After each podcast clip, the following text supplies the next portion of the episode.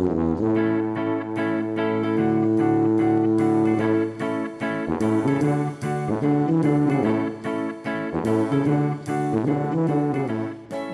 er onsdag, og jeg sitter klar med en ny gjest i studio. Og denne ukas utvalgte, det er Jørn Sønsterud Bråten. Velkommen til deg. Tusen takk for det. Den eh, neste timen så skal vi jo prøve å bli litt eh, bedre kjent med deg, og hvem du er. Og vi kan jo prøve å gi en kort introduksjon. Så kan vi jo si at du er en Oppsal-gutt som flytta til Stryn for vel 30 år siden. Så har du drevet med ganske mye forskjellig, men uh, i en del år nå så er det jo arrangement og festivaler gjennom Fagre Stryn aktivitetsselskap vi kjenner deg best. Og jeg kan jo starte med å spørre hvordan, uh, hvordan er det å se at arrangementene er i gang for fullt etter to litt sånn pauseår? Det er herlig. Det er deilig å se at det blomstrer, og like gøy å se at folk finner veien til oss igjen. Det er kjekt. Ja. Og så er det jo eh, særlig to store arrangement som eh, du er involvert i. Det er Motorfestivalen og Strynemessa. Og nå står vi nå sånn omtrent halvveis eh, mellom de to. Og da er du tilsnakkende, forstår jeg, men om noen uker så er det kanskje litt annerledes. Ja, tilsnakkende så er jeg nok, men det har litt sånn prioriterings... Jeg, jeg er jo på en måte aleine fram til mandagen før Strynemessa. Så alt går gjennom meg, da. Bortsett fra at vi har planleggingsmøter, men sånn i dagen så går alt gjennom meg, og det må jeg, jeg må sile ut litt. Ja. ja. Så uh, den der to do-lista, den vokser på seg for hver dag uh, framover, sikkert? Absolutt. Ja.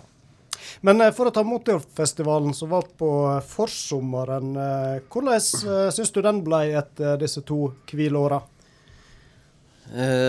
kort fortalt voldsom. Det er klart at det er helt utrolig å se at så mange finner veien til Stryn for noe som vi har starta på scratch med. Så det, det, er veldig gøy. Og det er alltid, alltid, spennende hva som skjer, i og med at det er, det er et åpent arrangement. da. Vi har ikke forhåndssalg av billetter på dagarrangementet og alt sånt, så du prisgitt både vær og andre ting. Men uh, hittil så har det jo gått bra. Og det var veldig gøy å komme i gang igjen. Ja. Og etter to år så var det vel mye testosteron som skulle ut i gatene. ja, helt klart. men, men, hva du tror som har gjort den motorfestivalen så uh, suksessrik? Jeg veit ikke. Um, det er tydelig at motor er noe som engasjerer veldig mange. Og så har vi ikke begrensa det. Altså, alt som har med motor å gjøre, er festivalen. Samtidig så er det litt nisje. Og jeg tror at uh, de arrangementene som kommer til å lykkes også i framtida, er nisjearrangement. Eh, de her arrangementene som har alt og driver med alt, har vanskelig for å nå ut med budskapet sitt. Eh, samtidig så er det mye sjel i Stryn når det gjelder motor. Og vi har jo vært så heldige at mange av dem som er med og hjelper oss, har ankere og gode forbindelser og gode kontakter og gode interesser som gjør at eh, det favner, da. Og det er utrolig gøy å være en del av det. Mm. Vi må nå få med hvem du arrangerer festivallag med, for det er jo mange som drar lasset. Ja, vi er, jo, eh, vi er jo en gjeng på ti-tolv personer med hvert vårt eh, ansvarsområde. Og det er jo Amcar-klubben i Stryn. Vi har Storbilgjengen, som eh, har ansvaret der. Der er det seks-sju personer under dem som sitter i hovedkomiteen. Så har vi Nybilgjengen, så har vi Gatebilgjengen, og så har vi eh, Traktor. Og så har vi konsert- og kveldsarrangement. Og så er det vakter i forskjellige, forskjellige eh, organiserte plasseringer, da. Både, det er jo parader, og det er nattevakter osv. Så videre. sånn eh, og alle disse her har hver sin ansvarsperson, som da er hovedkomiteen. Mm. Og dette med at det er stor bil, altså eh, lastebiler, trailere, disse bilene her har fått, fått sin egen festival, det virker som de, de syns er litt stas? Ja, klart vi, vi, var jo tidlig ute. Jeg tror faktisk vi var en av de første ute med å satse hardt på storbil. Mm. Så det har jo blitt en møteplass, da. Ja. ja.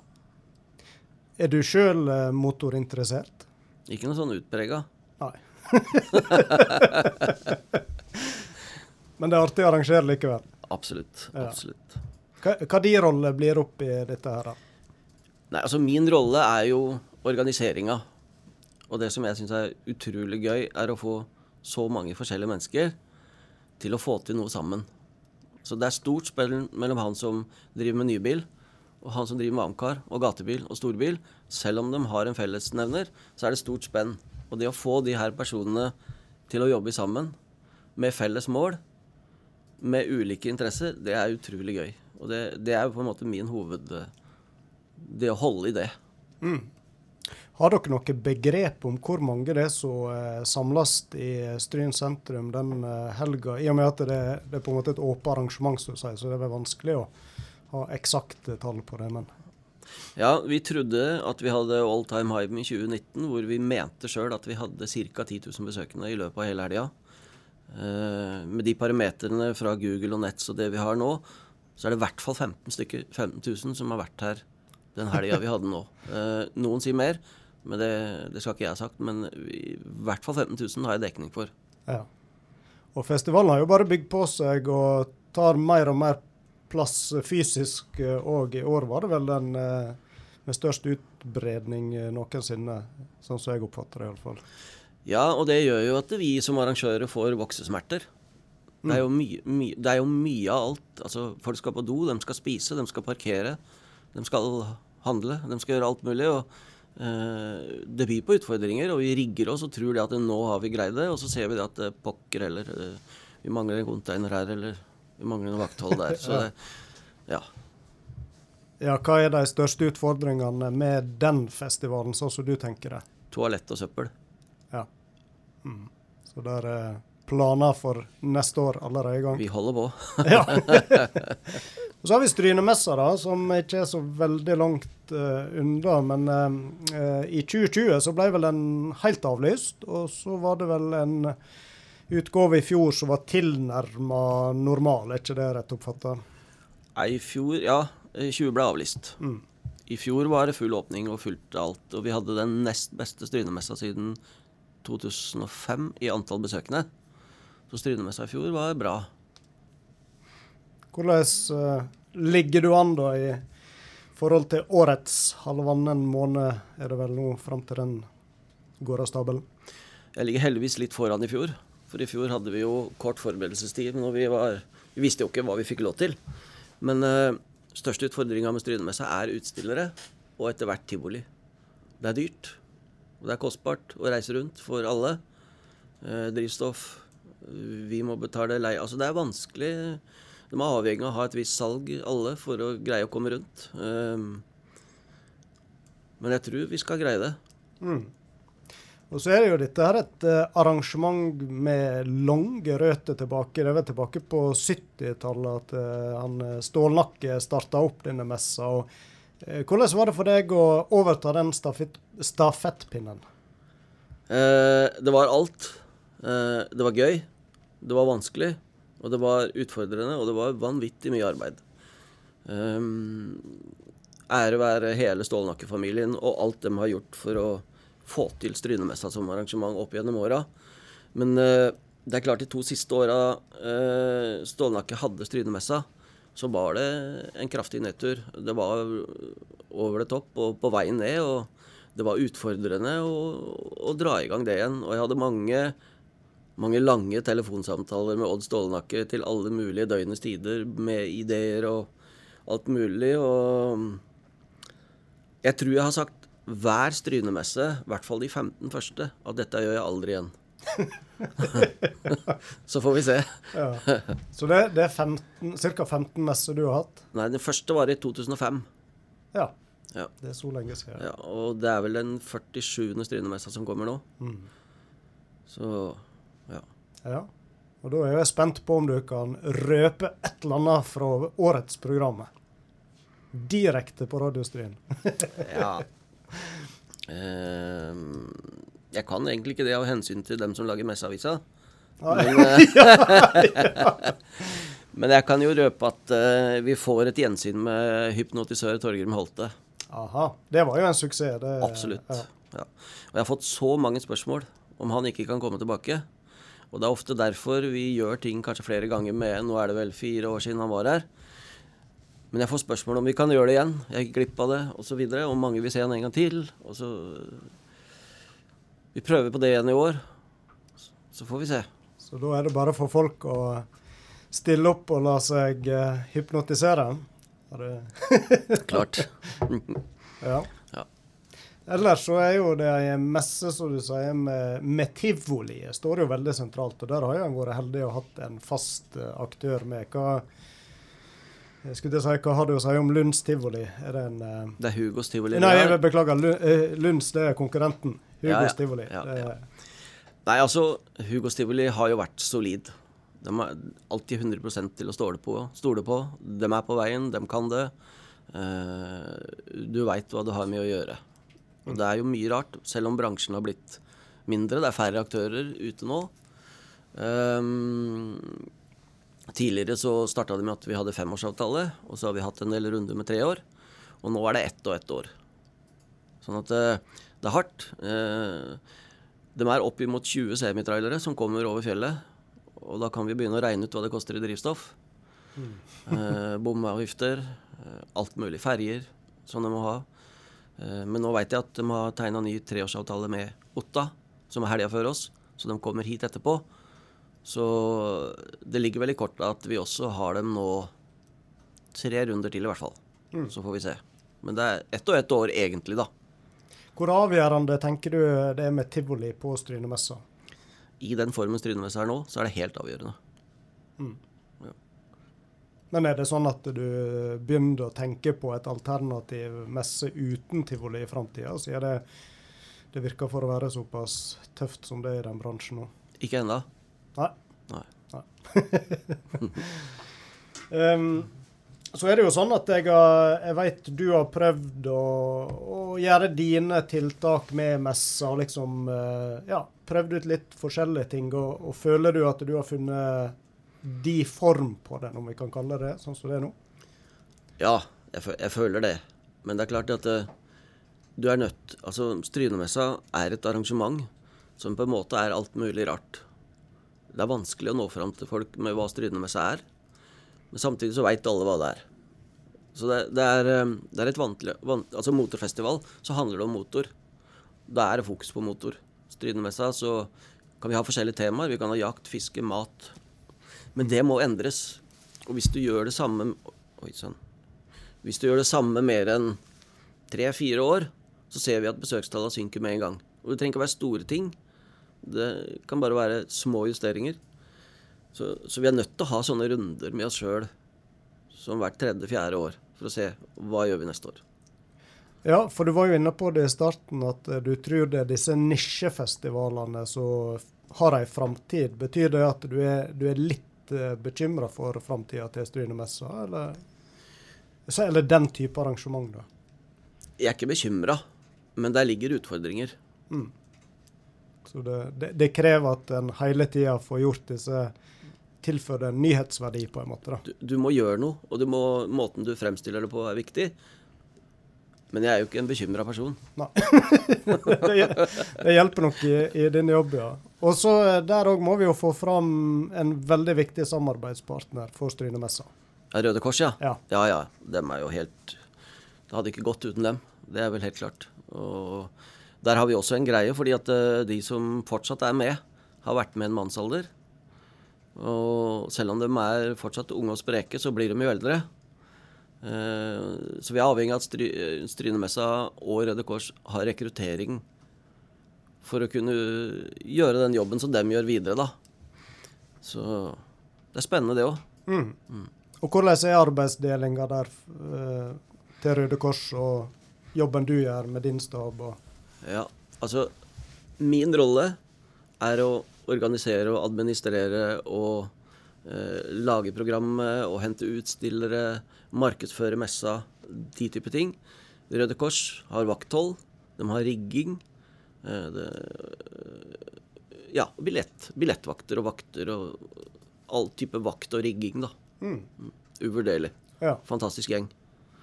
For det å lage eh, vaktfunksjonærliste for eh, store arrangement, det er vel kanskje eh, en av de største utfordringene, vet du. Så der har du jo på en måte eh, mye av jobben gjort med at du har dem med på laget. Helt klart. Men så er det jo en inntektskilde for dem òg, da.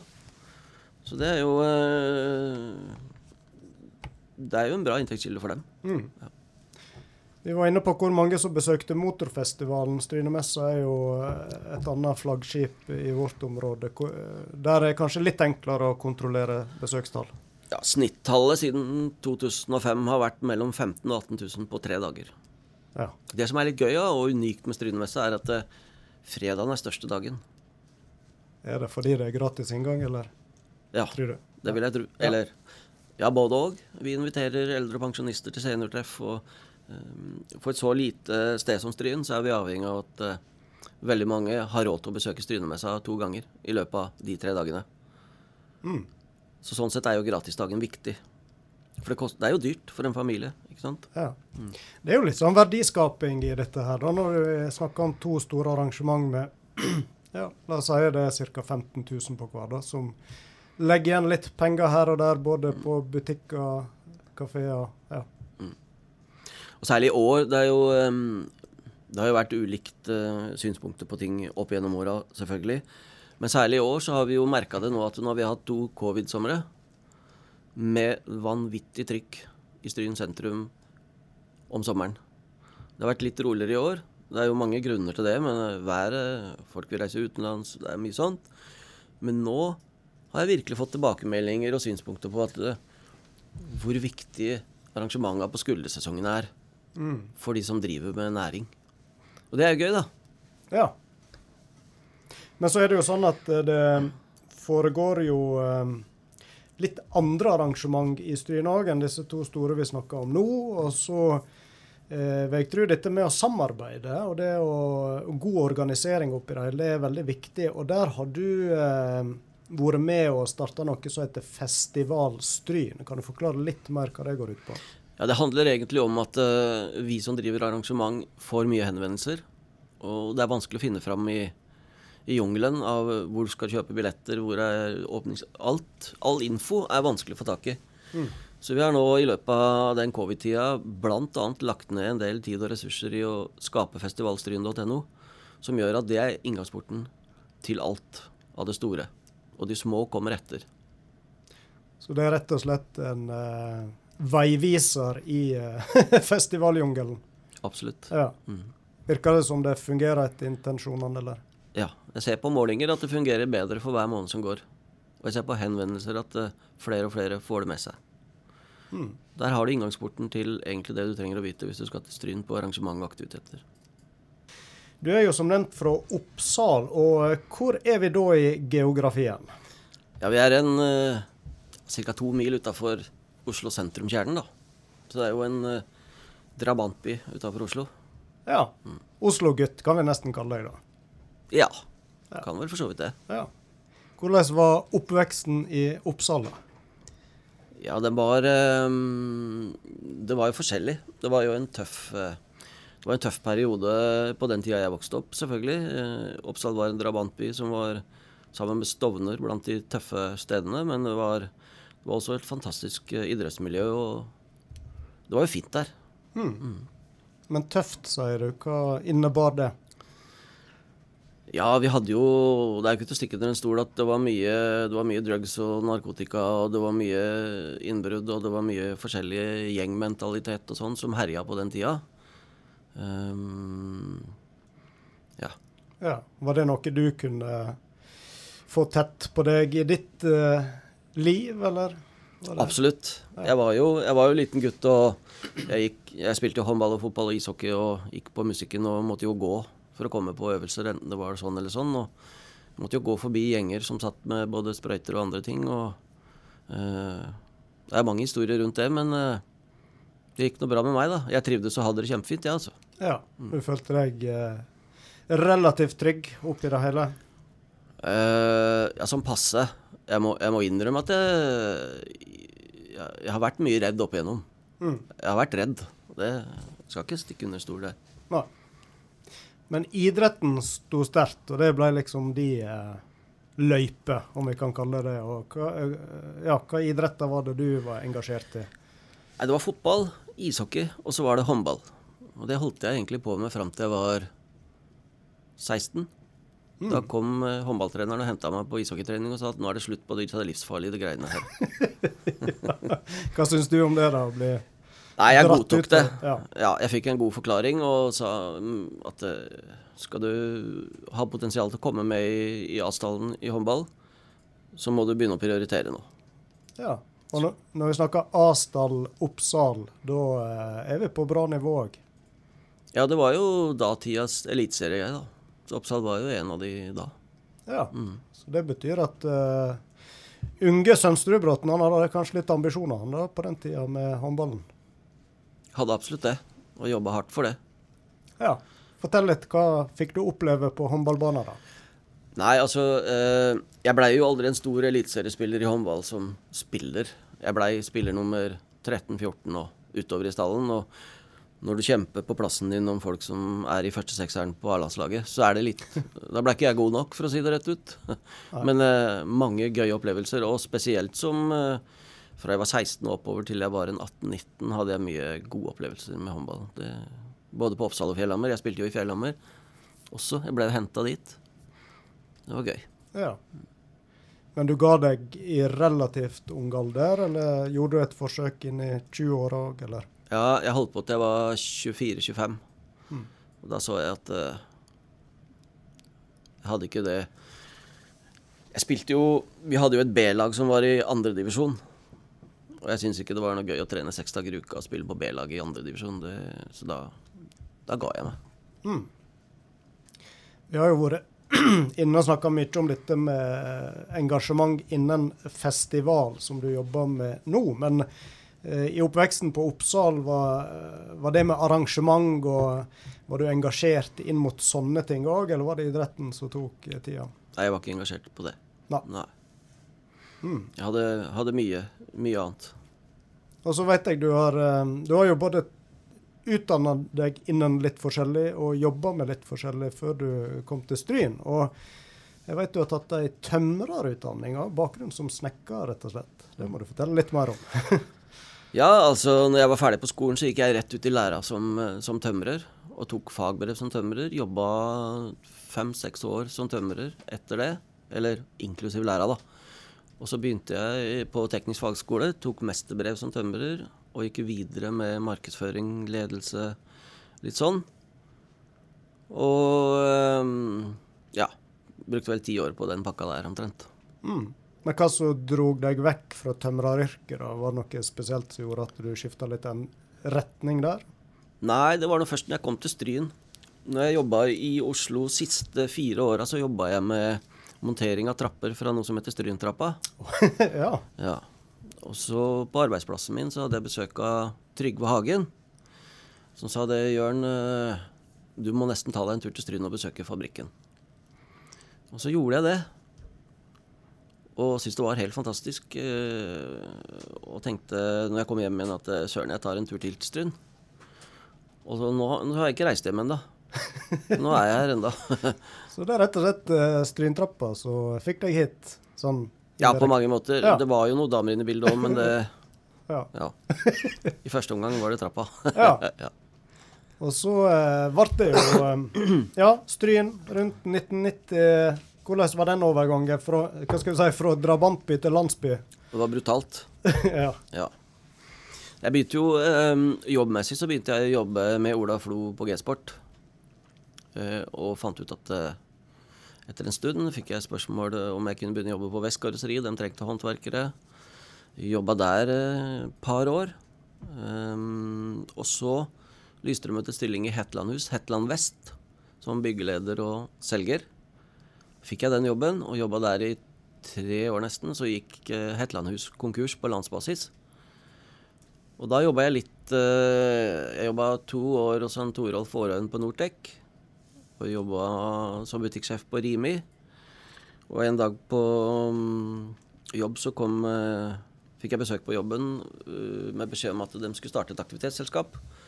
Og de ville gjerne at jeg skulle søke på jobben. Og det, det ville jeg ikke. Det, jeg sa nei.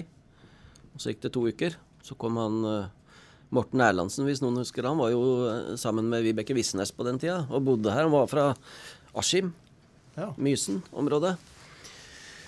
Og kom tilbake igjen og sa det at uh, du må søke. Så sa jeg nei. Igjen. så gikk det en periode til, og så kom jeg tilbake Nå har jeg sendt inn Nå, nå har jeg sagt at du kommer til å levere søknad. Eh, Så sa jeg OK, jeg skal sende inn en søknad. Ja. Nesten litt under tvang, dette, for det bra. ja, så jeg sendte søknad og tenkte at uh, da har jeg i hvert fall gjort det. Ja. Så ble jeg innkalt. Og så er jo historia sånn at uh, jeg sa nei til jobben. Mm, og jeg ville absolutt ikke ha den. Og så fikk jeg beskjed om at du må prøve litt. Jeg ble utfordra på det, og det gjorde jeg. Så nå er jeg jo der enda.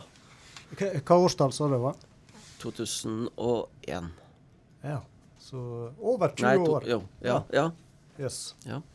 Men, men hva type jobb eh, var det forespeila skulle være den gang? Er det det samme som det er i dag? Ja, jeg fikk jo eh, Det som var forespeila, de samla inn aksjekapital fra næringslivet, reiseliv og handelsnæringa i Stryn. Og så var det tre-fire A4-sider med oppgaver som gikk på å skape arrangementer og aktiviteter. Og yte bistand til eksisterende arrangementer den tid. Og så ble det lagt fram en strategisk næringsplan fra Stryn kommune ved bl.a. Trygve Hagen, som satt da i Stryn næringssamskipnad, sammen med Bjørn Kåre Moen og Ragnhild Lunde, tror jeg det var. Uh, og der hadde Stryn et svakt punkt i næringsplanen som gikk på arrangement. Stryn var et dårlig arrangementssted. Uh, det var sommerski og det som var historia bak det. Men de ønska å gjøre noe med det, og spesielt med vekt på skuldersesonger. Eh, og så fikk vi litt aksjekapital, og vær så god, her er arket, og begynn å jobbe. Og så var det et styre, da. Ja. Ja. Husker du hvem du hadde med deg i starten der? Ja, det var Ola Flo. Det var uh, Sigge Thorvaldsson. Og så var det Leon Bakkebø. Ja. Uh, og Morten Erlandsen. Som var da styreleder, eller leder for det. Hvordan var det dere Kan du huske hvordan dere da angrep oppgaven? Nei, altså vi, vi starta jo med å gjøre litt research og begynte å planlegge ting og hadde noen ideer og lagde um, logoer og alt mulig sånn.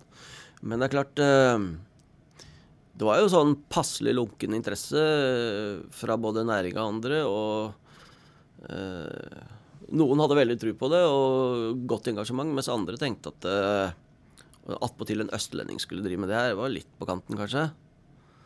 Men eh, så hangla vi oss igjennom, da. Og vi hadde jo år med oppturer og nedturer, og så kom Strynemessa inn i bildet. Og så har det balla på seg. Så eh, Stryn var absolutt ikke ei festivalbygd når du eh, tok jobben tidlig 2000-tall, skjønner jeg da. Definitivt ikke. Nei. Og på, og på veien så har du vel vært innom litt forskjellig som ikke er med i kall det porteføljen i dag. eh, Haust... Nei, Haustgilde, ja. Haustilde. Ja, ja. det, ja. Og det funka jo, det, altså. Men vi greide ikke å få det til å gå rundt, da. Nei. Nei. Så det, vi måtte på en måte kaste inn håndkleet. Det skulle være en matfestival på kortreist mat. Ja, litt, litt tidlig ute kanskje med et konsept som i dag er veldig Ja, det tror jeg. Ja. Det tror jeg var litt tidlig ute. Og vi hadde jo Det første store var jo det haustgildet med Surferosa og Mariann eh, Thomassen på Per Bolstad plass. Og det, jo, det var jo gøy, vet du. Vi hadde jo, det Bandet skulle jo ha backstage på gamle eh, kommunekontoret der med Vi brukte jo kontoret til teknisk sjef der. Det var vel Treen, kanskje? Jan Treen, ja. Jan Treen, ja. ja. Og det var jo, jeg var jo livredd før mandagen. Vi måtte jo rydde kontoret. De hadde jo holdt på med forskjellig. Det var, det var mye gøy der, da. Ja. Ja. Men eh, så fikk vi det ikke til å gå helt rundt, og kasta inn håndkle på det. Og så kom Stryne med seg inn i bildet, og så hadde vi jo en prat. En som jobber i Fjordingen som heter Ove Årskog. Vi satt på kontoret en dag, og vi hadde jo en avtale med Fjordingen på arrangement, aktiviteter og markedsføring av dem. Så sa vi eh, skal vi finne på noe gøy. Kanskje vi kan gjøre noe med biler. Det var liksom samtalen. Så sånn var det motorfestivalen. Det var det som starta motorfestivalen, og så gikk det litt Det var et par arrangement, og så kom storbil på banen. Med Benny og Kjetil og de der. Helt fra starten. Men eh, i tillegg til Haustgilde, kan du huske er det andre ting du har vært innom og prøvd og feila litt? Julegateåpning, f.eks. Ja. For Stryn Handel. Ja. Jobba jo med dem en stund der. Eh, prøvde å skape type humorfestivaler. Du har jo vært med på det. ja, stemmer det. Ja. Glemte det nesten. Vi prøvde litt sånne forskjellige eh, Ting gikk jo ikke dårlig, men det gikk ikke kjempebra heller. Mm. Så det har liksom feida seg ut, og andre ting har kommet inn. og så Ja. Er det andre ting nå, i tillegg til Strynemessa og Motorfestivalen, som vi har prata om, som du bruker mye tid på, eller er det de som Ja. Ja, vi har jo prosjektet Inspirasjonsdryen, som er i treårsperioder, som vi er på en ny periode igjen nå. Vi hadde jo det huset på Strynemessa. Vi har gjort forskjellige prosjekter. Vi har lagd filmene, Inspirasjonsstryn-filmene. Eh, Vi utgir jo Stryn-magasinet en gang i året i Fagre Stryn. Vi utgir et kart en gang i året. Eh, og vi er jo delaktige i marketing på de andre, altså Oktoberfesten. Eh, vi har jo vært involvert i Gummibåtfestivalen. Sånn at eh, Men i, Ja. ja, Inspirasjonsstryn, kan du si litt mer om hva tanken der er? Ja, det var jo I 2010 så var det en del av industribedriftene som ønska å holde åpent hus på Strynemessa. Det var det det starta med. For de følte at eh, eh, industribedriftene ikke fikk vist Stryn hva de egentlig dreiv med. Altså Tonning Møbel, Hagen osv. Og da ble det etablert at de skulle ha åpent. Og så fant vi ut at vi starter et nettverk. Og da fikk vi med omtrent 30 bedrifter, alt fra rørleggere til dekorering til design. Og lagde noen utstillingsstander på messa og gjorde litt andre aktiviteter. Vi hadde frokostmøter, vi hadde forskjellige typer arrangementer. Vi lagde filmene etter hvert når vi kom ut i øh, 2015-16. Og det har egentlig bare fortsatt. Og nå er vi på ny runde hvor øh, et av hovedprosjektene til Inspirasjonsstryn er festivalstryn.no, hvor vi også skal koble inn ungdommen etter hvert. Ja. Så det er mye sånn jobbing òg, da. ja. Mm. Og så er det en ting eh, som òg har opptatt tida di etter du kom til Stryn, og det er jo at du fikk bruk for denne håndballbakgrunnen din, vet jeg. Vært trener og faktisk lærer òg. Ja. Jeg har vel trent Jeg begynte vel uh, i 92, 91, 92, tror jeg, Mm. å trene første lag i Stryn. Og har hatt årskull opp igjennom. Um, det har vært veldig gøy. Jeg har, jeg har hatt mange bra kull.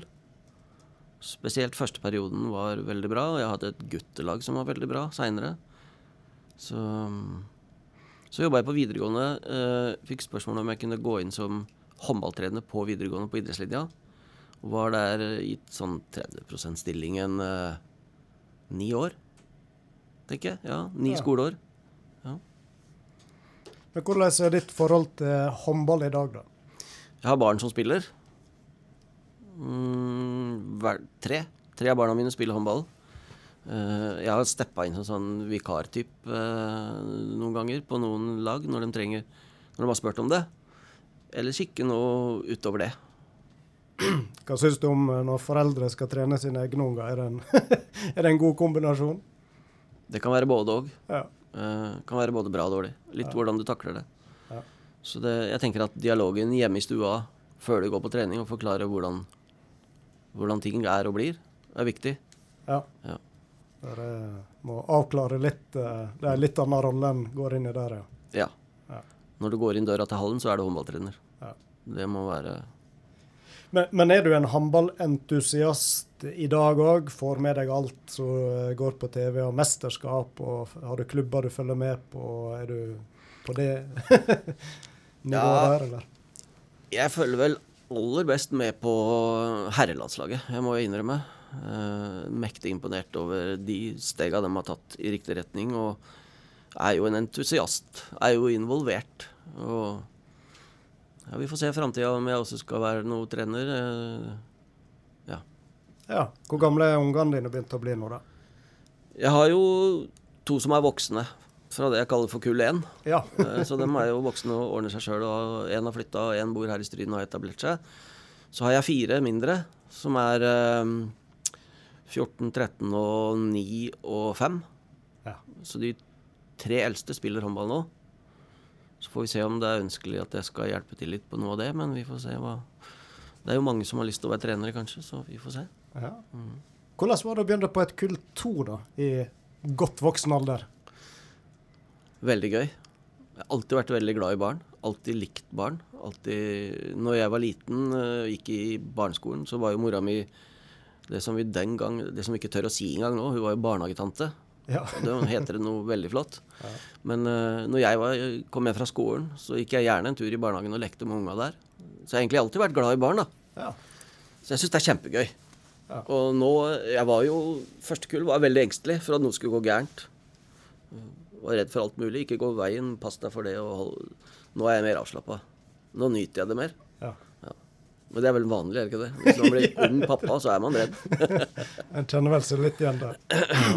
En ting som eh, vi ikke har vært innom, men som jeg vet eh, opptar deg, det er fotografering. Jørn. Du er en habil fotograf. og er det er det bare en hobby, eller er det blitt litt uh, yrke òg?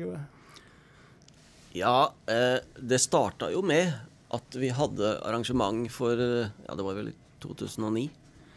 Og jeg måtte ha bilder fra arrangementene våre. Eh, og skulle ha fotograf. Det kosta vanvittig mye. Og jeg var jo på en måte til stede sjøl. Så jeg kjøpte meg et kamera og begynte å ta bilder. Og så, kort fortalt, ble jeg jo fanga. Så etter det har jeg jo vært jeg tar fortsatt bilder på arrangementa og har utvida til å filme og produserer det innholdet sjøl, da. For jeg er jo der og får de bildene jeg vil. Ja. Eh, men så har det jo blitt en, kan du si, en stor hobby, en, ja, en interesse. Ja, Så du, du bruker tid på det òg utenom når du må? Ja, masse. Litt for mye, vil jeg tro de sier. ja. Ja, hva, hva, type fotografering er det du særlig Er det, er det natur, er det portrett? Eller litt sånn forskjellig? Det er jo sånn med foto, da. At når man får en sånn interesse som foto, så starter du med vide, vide armer, og så smaler du inn. Så jeg har vel endt opp med at det jeg driver med på fritida, er natur. Eh, helst landskap. Eh, men også gatefoto. Nå har jeg ikke fått gjort det så mye siste, siste to covid-åra. Men eh, jeg hadde, jo, jeg hadde jo fått inn, jeg hadde trumfa inn en avtale hjemme. da, At jeg kunne få lov å reise og drive med gatefoto to helger i året. Kunne ta meg en tur aleine. Mm. Hva, hva, legger du i gatefoto? Um. Det er å gå rundt på gata og ta bilder av situasjoner. Moments, øyeblikk på gata. Og uh, en utrolig fin uh, greie for meg er å Jeg har vært på workshoper over hele verden innenfor foto med kjente og ukjente fotografer. Uh, blant annet Bjørn Oppsal, som er en kjent og habil fotograf. Og det å sitte på en kafé i Paris på gata å nyte livet med kamera og ta seg en runde med det etterpå. Helt aleine. Møte andre fotografer på en, kanskje en kafé hvor de er, hvor du veit at de er. Det er magisk. Det er helt Det er noe av det morsomste jeg veit. Det, det digger jeg. Ja. Har du planer for en gatefotograferingstur denne høsten, eller? Ikke den høsten her, men det kan jo hende det skjer noe til våren. Jeg har en søknad inne hjemme nå. Den er til behandling? Nei, jeg har absolutt ikke problemer med det hjemme. Og som hun sier når det går litt varmt for seg, at uh, du skal ikke ta deg en fototur snart. Da, da, tyder det på at jeg har vært stressa og sur en periode. Ja, så det er, bare, det er, bare, å være litt vanskelig hjemme, da. Så får du deg en Ja, ikke sant? Strategisk. ja, ja, ja. Men, men, går det an å si noe om hva, eh, hva er det som er det viktigste for et godt bilde? Altså, Er det noen ting du tenker må være på plass for at du Iallfall du er fornøyd med et bilde? da? Ja, for meg er det eh, Etter å ha holdt på en stund Hvis du går på natur og landskap, så er det lyset. Det å kunne skape noe ved hjelp av lyset eh, Og da tenker jeg ikke på eh, Du finner veldig få av mine bilder med rosa himmel og solnedgang. Det er på en måte ikke det jeg driver med. Det er jo Vakre bilder driver jeg ikke med. I hvert fall ikke nå lenger. Så um, det, det er kanskje der du òg begynte, eller? Absolutt. Jeg, det er så fascinerende ja, først. Og, jeg tar jo bilder, men jeg kanskje ikke viser det fram. Nei. Men uh, det her med det, uh, det, som lyset kan skape Så du får former og komposisjoner som gjør at uh, du får fram mønster da, og en god komposisjon. Og Det samme gjelder jo gatefoto. det er jo lyset, skygger, spesielt skygger, mm. som er viktig og gøy å holde på med. Og da blir det fine bilder. Men det er, foto er sånn, da. Det er jo øyet som ser. Det er ikke sikkert du syns det jeg syns er noe fint. Det, det er smak og behag. Mm. Mm. Men uh, for å få til det med lyset som du er inne på, er det, snakker vi om å beherske det tekniske, da? Eller eh, er det litt mer blikket som Du kommer jo til et punkt hvor du har på en måte lært deg det tekniske. mm. Og da er det motiva du ser etter, og lyset. Ja. Mm. Mm. Um, så uh, må vi litt tilbake på dette med arrangementjørn eh, nå når vi går inn i en uh, avrundende fase her. Og um, jeg tenkte jeg måtte nå spørre deg som arrangerer mye. Hvis du sjøl skal gå på arrangement, hva, hva er det som fenger deg? Standup. Jeg må tilstå at standup og reine konserter med band, det er vel kanskje det, og spesielt standup. Jeg er veldig glad i standup. Ja. Hvem er, hvem er favoritten der, da? Christer Torjussen, kanskje. Han har vært i Stryn på Ja. din festival. Ja da. Og jeg har brukt den på andre jobber òg. Men jeg, jeg er fascinert av de gutta som uh, som gjør de klubbjobba. Som går opp på scenen i et sett 40 minutter og er utrolig dyktige uten noen hjelpemidler. De bare står der og byr, byr på seg sjøl. Det er fascinerende, altså. Og de er så dyktige. Ja. Ja. Du, du lager jo masse arrangement for andre som entrer ei scene. Du sjøl, da? Har du nok eh, bakgrunn eller interesse for det, eller trives du best liksom i kulissene? Altså, jeg, har aldri, jeg, jeg har spilt i musikkorpset. Og som spilt trompet i musikkorpset, det er det jeg har gjort. Men jeg har alltid vært glad i musikk. Ja. I hele mitt liv. Jeg har jobba i min ungdom, vært på DJ og vært på konserter og jobba og gjort sånne ting. Men uh, det er først og fremst interessen. Men uh, jeg har jo gjort noen blemmer her i Stryn på de arrangementene jeg har arrangert, og tatt musikk som jeg liker sjøl. Og det er kanskje noe Det er farlig, altså. ja, har du, har du eksempel på det, eller? Jeg ber ikke å dra fram noe, men det, det er jo klart at det, når jeg på tidlig, tidlig tidspunkt begynte å ta med rapp til Stryn, øh, skulle gjøre noe, det, det, det, det funka ikke særlig bra. Det er sånne type ting, da. Musikksjanger. Men generelt så er jeg veldig fascinert av folk som kan levere. Altså folk som går opp på en scene og kan levere, og som er dyktige. Um, det, om det er Arne Sølvberg som er helt utrolig, eller om det er en gitar, eller om det er Det betyr ikke så mye. Folk som kan faget sitt, rett og Folk som kan faget sitt og er eh, Virkelig kan det. Det, det imponerer meg. I løpet av de 20 åra, eller vel det, da, som du har uh, hatt særlig fokus på dette med arrangement, eh, det har vært jobben din, uh, så beskrev du en start der det lå, uh, om ikke dødt, så var det iallfall veldig lite som egentlig skjedde i Stryn. Mens de siste åra så har Stryn fått navnet Festivalbygda, eller det er liksom et begrep en, en bruker. da. Det skjer jo ting iallfall i perioder jevnt og trutt der. Så er det kanskje sommerhalvåret, da. Eh, tenker du at det er Er det plass for enda mer festivaler, eller begynner vi på en måte Går an å si at et marked blir litt metta? En plass som Stryn, 7000 innbyggere. Jeg tenker at det er plass for litt til. Det, det gjør jeg. Men jeg tenker at det, kanskje ikke alle overlever òg. Vi, vi får se. Det, det er jo utrolig mye spennende som skjer, og um, jeg tror at Stryn har plass til et par arrangement til. Vi har vel kanskje ett eller to i støpeskjea, så får vi se. Ja, er det noe du savner, på en måte? Eller du ser iallfall har en uh, livets rett der? Du tenker Jeg er jo veldig glad i humor. Ja. Uh, og vi hadde jo uh, en gjeng som drev med både revyer og andre tider, og som også har gjort noen drypp etterpå. Men uh, innafor humor mener jeg at det, det ligger noe. Og så er jeg øh, vi, har et, vi har et område på Stryn vinterski der oppe. Rundt øh, med Hydla, Hydlaparken vinterski der oppe. Jeg mener at vi burde hatt et arrangement der. ja. Hva ty type kan det være? Har du litt konkrete tanker, eller er det Nei, litt sånn avslutningsfestival for vinteren eller noe sånt, kanskje. Ja. Ja. Musikk. Aktiviteter. ja. Er det noe du sjøl har kapasitet å styre med, eller er det mer en ball du slenger videre nå? Eh, nei, det er noe som jeg har lyst til å gjøre sjøl. Ja, ja. Eller være en del av. Så ikke ta den ball ballen, folkens. Det er ikke noe farlig. Nei, nei. Du, eh, klokka den eh, tikker rett og slett ifra oss, iallfall hvis vi skal få med siste musikkønske ditt òg, Jørn. Jeg vil nå si tusen takk for en uh, veldig kjekk time i Radio Stryn her, og blitt uh, litt bedre kjent med deg. Og det tror jeg lytterne òg. Takk for det. Takk for at jeg fikk komme. Ja. Uh, uvant å snakke om seg sjøl, og ikke om noe jeg driver med. ja. En grei øvelse, det òg, innimellom. Ja. Takk for det.